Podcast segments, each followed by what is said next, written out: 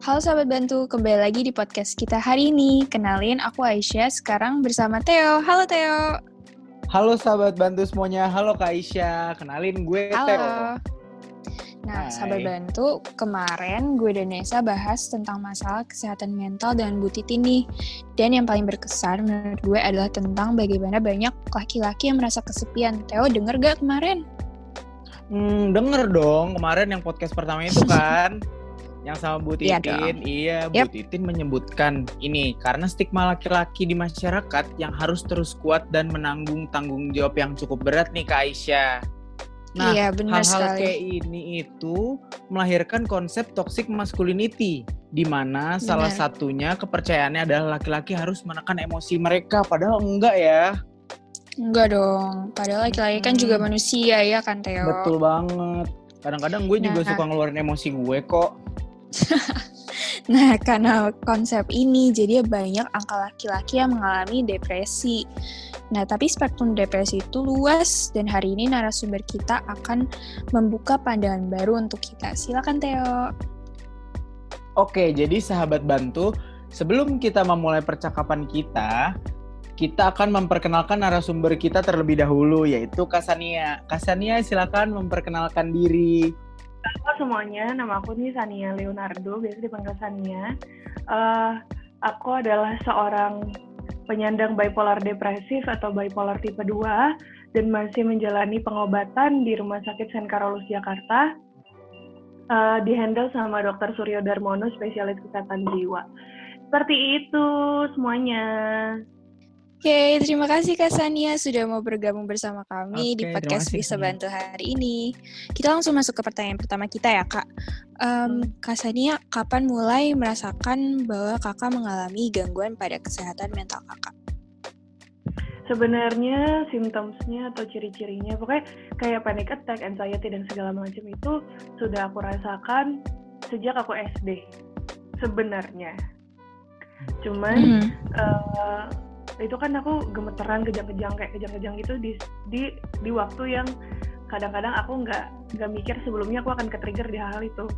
Dan dulu tuh eh keluarga nggak ngeh kalau itu apa kesehatan mental yang keganggu. Jadi kiranya itu Oke. jantung paru-paru dan segala macam. Jadi ya udah gitu. Dan mulai yang benar-benar ngerasain benar-benar paham kayaknya gue beda deh. Itu tuh semenjak SMA. Kayak gitu. Ngehnya sih di SMA. Gitu. Tahun lah 4 5 tahun lalu lah. Gitu. Eh, lalu kira-kira apa sih eh, diagnosa yang diberikan dokter kepada Kasania?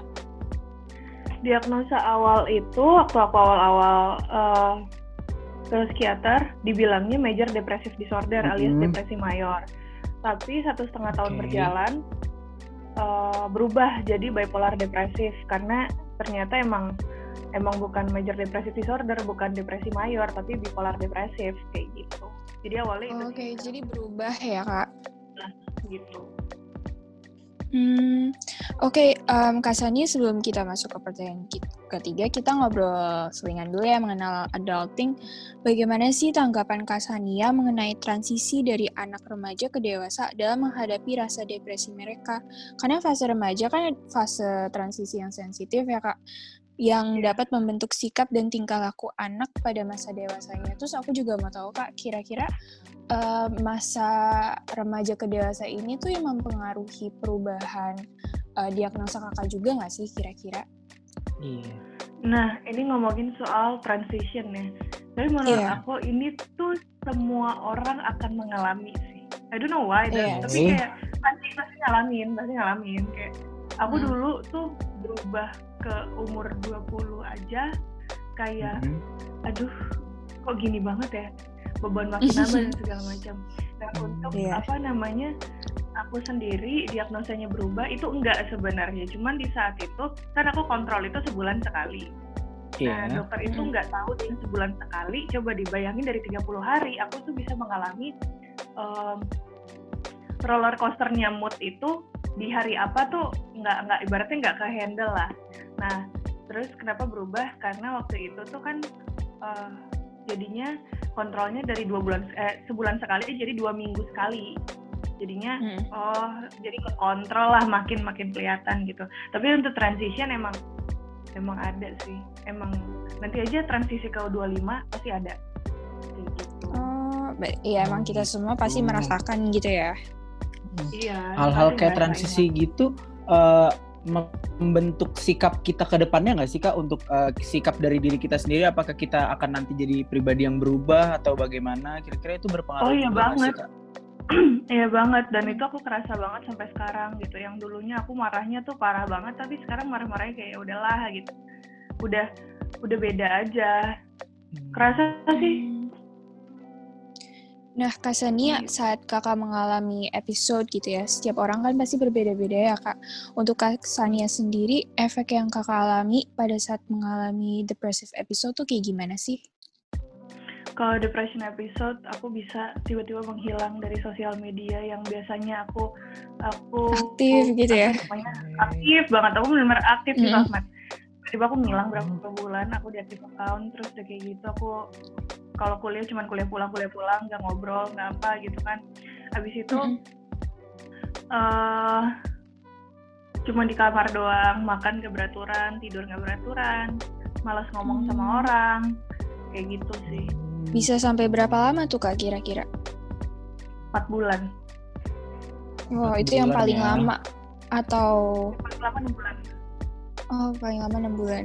paling lama enam bulan Hmm, Hmm. itu juga benar-benar eh, meminimalisir kontak sama orang-orang di sekitar juga ya Ya makanya orang tuh cuman bisa hubungin aku via SMS kalau nggak itu telepon. Biasanya nggak bisa. oh gitu Soalnya aku uninstall Hmm. WhatsApp, Line, itu aku uninstall. Iya sih, iya sih. Hmm, Oke oke oke oke. Eh, untuk pertanyaan selanjutnya, eh, apakah Kasania biasanya eh, yang dilakuin gitu loh ketika sedang mengalami depresi? Bagaimana cara Kasania itu mengatasi eh, depresi Kasania sendiri? Mengatasi depresi. Eh, ini pertanyaan yang sebenarnya aku bingung juga sih jawabnya karena episode ini tuh nggak bisa aku elak kan. Dan buat Iya. ngatasinnya minum obat. Terus kayak, oh Sana itu tipikal yang buang-buang duit kalau lagi depresi. Ada aja dibeli. Spending Karena gitu ya? nggak penting deh. Iya, nggak jelas gitu. Kayak aku lagi depresi. Terus aku nanya teman-temanku kan kayak, lu pada mau kopi nggak? Gue beliin deh. Nggak tahu kayak ngerasa, eh ya udahlah gitu kan. Benar-benar nggak jelas. Terus tiba-tiba Hmm. kadang ke mall, ke mall sendirian. Iya ada sendal jepit lucu. Kan nggak penting ya. Itu beli aja deh gitu. Terus pergi jalan. Jalannya yang kayak ya udah jalan keluar aja sendirian Hmm, tapi oke. pulangnya tetap ya gitu deh pokoknya nggak jelas lah kayak gitu Jadi itu semacam distraction yang kecil-kecilan lah ya. iya Oke. Nah, Kak, aku eh, aku baca belum ada cure untuk bipolar, tapi ada terapi dan mood stabilizer juga dengan bantuan obat bisa membantu mereka yang punya bipolar untuk melakukan aktivitas sehari-hari dengan baik. Untuk Kasania sendiri, eh, Ya. apakah ada bantuan obat dalam mencegah terjadi depressive episode yang berlebihan? kalau obat emang tiap hari minum obat cuman emang ada tambahan obat yang sebenarnya kayak eh, kalau lo ngerasa ini lo minum ini ya kayak gitu dokter tuh eh, ngomongnya kayak gitu pokoknya eh, obat-obatan gue emang minum tiap hari sih kayak gitu Oh gitu. Eh, Jadi emang nggak ada ada obat ada- wajibnya iya, nggak kak? ada yang obat wajib ada itu semua yang tiap hari itu obat wajib nggak boleh enggak Oh. Yang udah di ada lagi satu tambahan obat yang emang Hmm. buat nge-cure dikit kayak halusinasi dan segala macam itu ada tapi enggak Hmm, tapi nggak tiap hari gitu Oke. Eh, lalu Mm-mm. eh, kasannya untuk seorang yang mempunyai bipolar sendiri itu, terutama kan eh, kita lagi ada di masa pandemi seperti ini ya, pasti butuh butuh banget dong distraksi positif, entah itu dari lingkungan atau dari masih banyak lagi. Nah untuk kasannya sendiri, apa sih yang dibutuhkan oleh seseorang ketika mereka tuh mengalami episode seperti ini? Eh, bagaimana kita sebagai teman atau keluarga yang bisa membantu, walaupun emang itu kecil, tapi apa pun untuk teman atau keluarga yang kita eh, mempunyai bipolar itu gimana sih kita harus membantu mereka? Hmm. ini ini ngomongin soal masa pandemi dulu ya. Iya. Iya. Uh, pandemi itu kayak uh, the real nightmare kayak benar-benar kayak wah gila. Agak ini surreal gitu ya. Ya Hmm. iya ini ini serem banget gitu kan. Mm-mm. Seremnya eh, yang kita kita bisa distraksi dengan berbagai macam hal tapi ini ternyata enggak Hmm. gitu kan. Mm-mm. Dan akhirnya eh, untuk seorang aku yang mengidap eh, depression dan segala macamnya tuh aku dulu waktu awal-awal awal-awal pandemi yang masih masa transisi yang kita hahaha tiba-tiba lockdown tiba-tiba pandemi Mm-mm. gitu kan Iya. itu aku ngakalinnya adalah dengan cara bikin jadwal video call sama teman-teman Hmm, Oke. Oke. Jadi ada kesibukan ya kak gitu. Iya, jadi oke hari Senin jam segini gue ngezoom sama ini. Terus eh, jam ini gue ngezoom sama ini, hari Selasa gue ngezoom sama ini, ini, ini, ini, kayak gitu. Hmm, oke. Nah, terus aku spread di Instagram kayak gue butuh pertolongan kayak gini-gini, siapa yang bisa kosong di jam zoomnya, please kontak gue. Nanti gue bikinin jadwal kayak gitu. Jadi emang Hmm. harus ada Nah. jadwal yang terus menerus gitu ya kak. Betul. Terus olahraga juga, olahraga di rumah kan bisa. Olahraga tuh butuh, itu buat nge-cure kadar stres. Itu butuh banget. Oh gitu. terus udah kayak gitu iya cari sesuatu yang uh, tiba-tiba kamu ngerasa kalau itu this is my uh, this is my hobby yang kayak baru gitu loh new hobby yang bisa gue lakuin di rumah Hmm. either itu baking or Hmm. something bikin sesuatu gitu itu bisa ngalahin di- uh, bisa bikin distraction tapi emang sih Hmm. efeknya nggak sebanyak kita distraksi keluar cuman at least kita Mm-mm. kita ngelakuin lah kita Iya, nyoba iya. gitu daripada nggak sama sekali Nah. kayak gitu Mm. Oh. Dan positive distraction oh, nah, ini di tuh saat-saat seperti ini silakan deh. Eh, siapa yang ngomong duluan nih? Ah aku duluan deh kalau gitu. Eh, di saat-saat pandemi seperti ini tuh ada nggak sih hobi baru dari Kasania Kasania eh, punya hobi apa? Atau emang eh, ngelakuin hobi-hobi yang emang biasanya Kasania lakuin? Main TikTok. Oh main TikTok. kayak- itu hobi baru kakak. TikTok. Itu hobi baru dan akhirnya ternyata laku juga di pasaran gitu. oh ya Laku juga yang ya jadi kayak aku tuh kaget loh masa pandemi yang gak jelas ini tiba-tiba aku dapet 100 ribu followers itu kayak eh wow itu tuh Serius kak? Hobinya Serius, itu aneh ya. banget.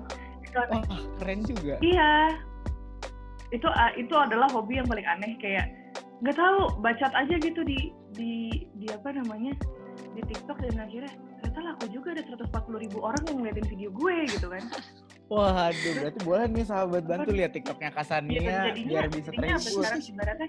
Iya akhirnya berkat juga terima endorsan dan segala macam. Itu hobi yang aneh dan akhirnya menguntungkan kayak gitu. Terus eh, buka usaha nail art. Itu sesuatu yang aneh tapi akhirnya kayak oh ternyata ini hobi baru gue ya. Dan akhirnya ngasilin duit kayak kayak gitu deh aneh-aneh deh pokoknya.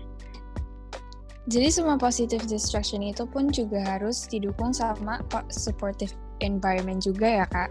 Yes and also supportive family. Environment kalau Yes, menurut aku tuh? Lingkungan ya lingkungan my family and eh, teman-teman sih. Tapi yang paling utama supportive family. Soalnya mereka yang biasa ada di rumah kan. And supportive friends Iya. also.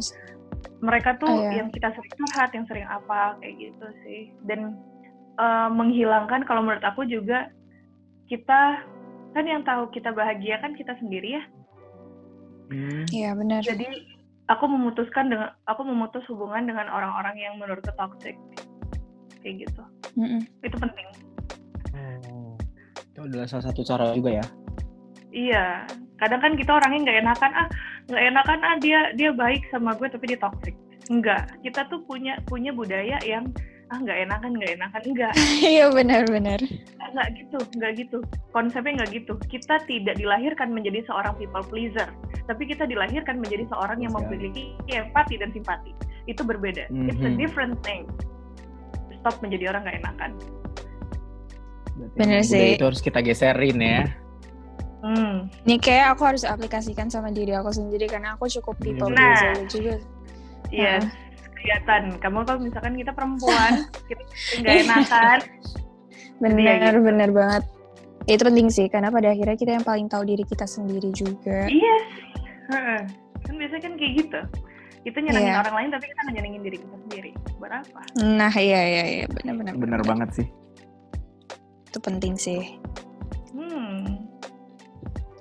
Nah, Kak Sania sendiri ada pesan-pesan nggak sih buat kayak em, sahabat bantu yang di luar sana yang mungkin mengalami em, kesulitan di masa pandemi ini dan juga merasakan apa yang kakak juga rasakan?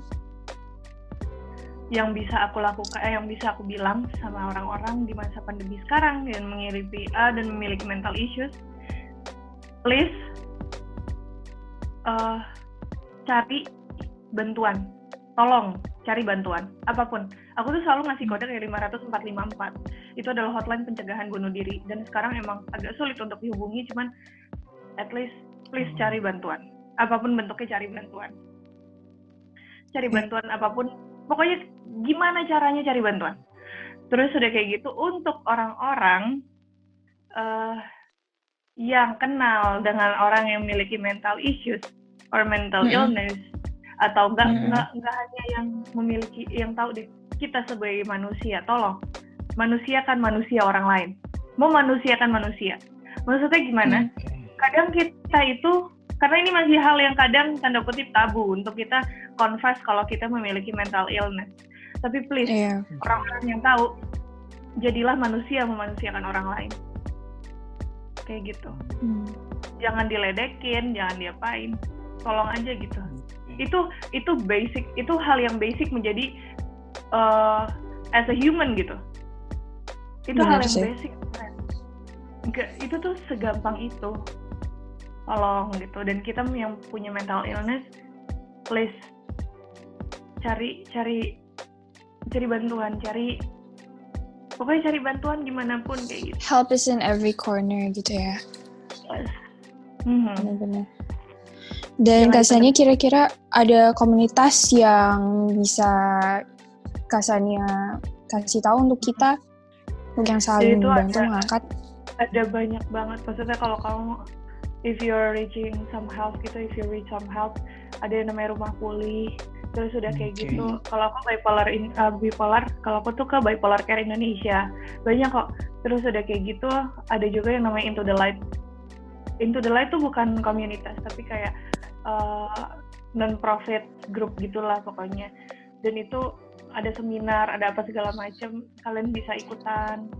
Terus banyak sih banyak banget di Instagram. Terus apalagi ya eh, sehat jiwa gitu-gitu banyak kok Mm-mm. gitu Oke. Oke. Eh, dari aku sih udah nggak ada pertanyaan lagi. Terima kasih banyak Kak Sania eh, udah mau bergabung dan berbagi ilmu bersama kita. Semoga nanti Sama-sama. eh, eh, para pendengar podcast ini bisa eh, dapat ilmunya dan bisa mengatasi eh, isu mental yang memang mungkin mereka punya atau mereka bisa membantu sesama eh, misalnya mereka punya teman mereka bisa jadinya membantu teman mereka dan memberi support segala macam supaya eh, para pejuang mental di luar sana bisa merasa kalau eh, mereka tuh ada temannya dan mereka nggak sendirian di dunia ini. Benar. Betul. Terima kasih banyak ya Kak Sania sudah mau bergabung sama kita Sama. dan sudah menyempatkan maaf ya aku ngelor waktu loh Iya nggak apa-apa. Gak apa-apa Kak Sania ya ampun. Menurut aku banyak banget sih yang dari tadi kita dapat dari Kak Sania, Uh-uh. apalagi tentang people pleaser. Dan itu menurut aku Mhm. penting banget sih. Itu benar-benar banget. Dan kita juga harus tahu diri kita sendiri. Apalagi di masa pandemi ini yang uh, menurut aku sebagai remaja menuju dewasa di masa transisi ini, pandemi tutup dan yang seharusnya kita trying to find ourselves malah ya ya udah Eh, tiba-tiba kayak tiba-tiba berhenti aja yang seharusnya kita beraktivitas gitu. Gitu sih. iya betul Oke, thank you Kak. Thank you ya Kak Iya. Thank you udah mau gabung di podcast. Sehat terus ya Bye, Kakak. Kak. Dadah thank you ya semua Bye Dadah, Kak. Terima Kak. kasih. sama-sama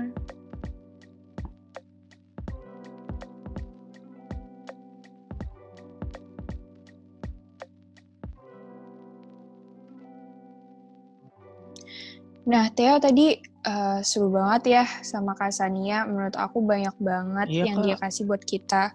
Dan kesimpulan yang paling penting sih yang menurut aku yang paling kena buat aku adalah kita tuh bukan people pleaser.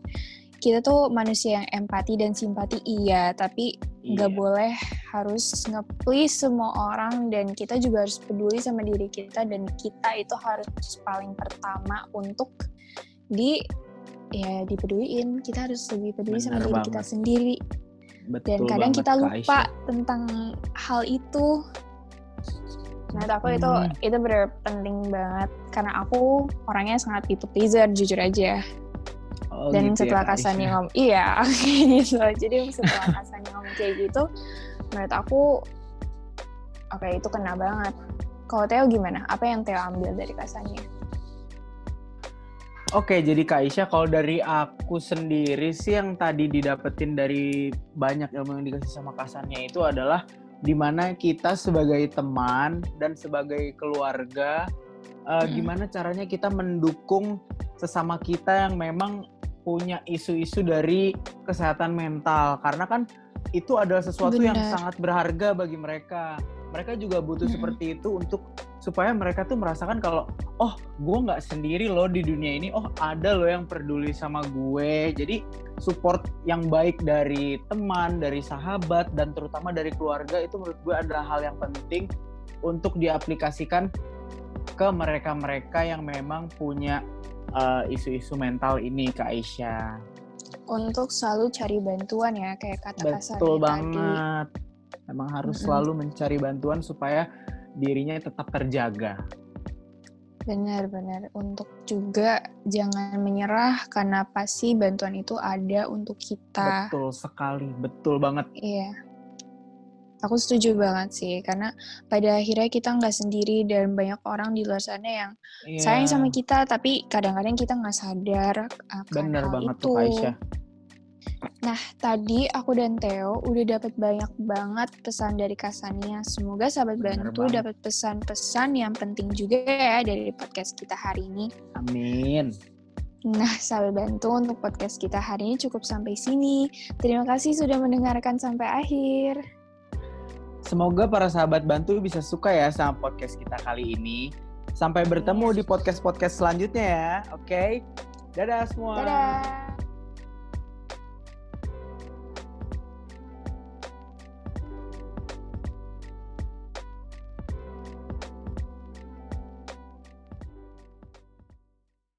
Karena kalian tidak sendiri.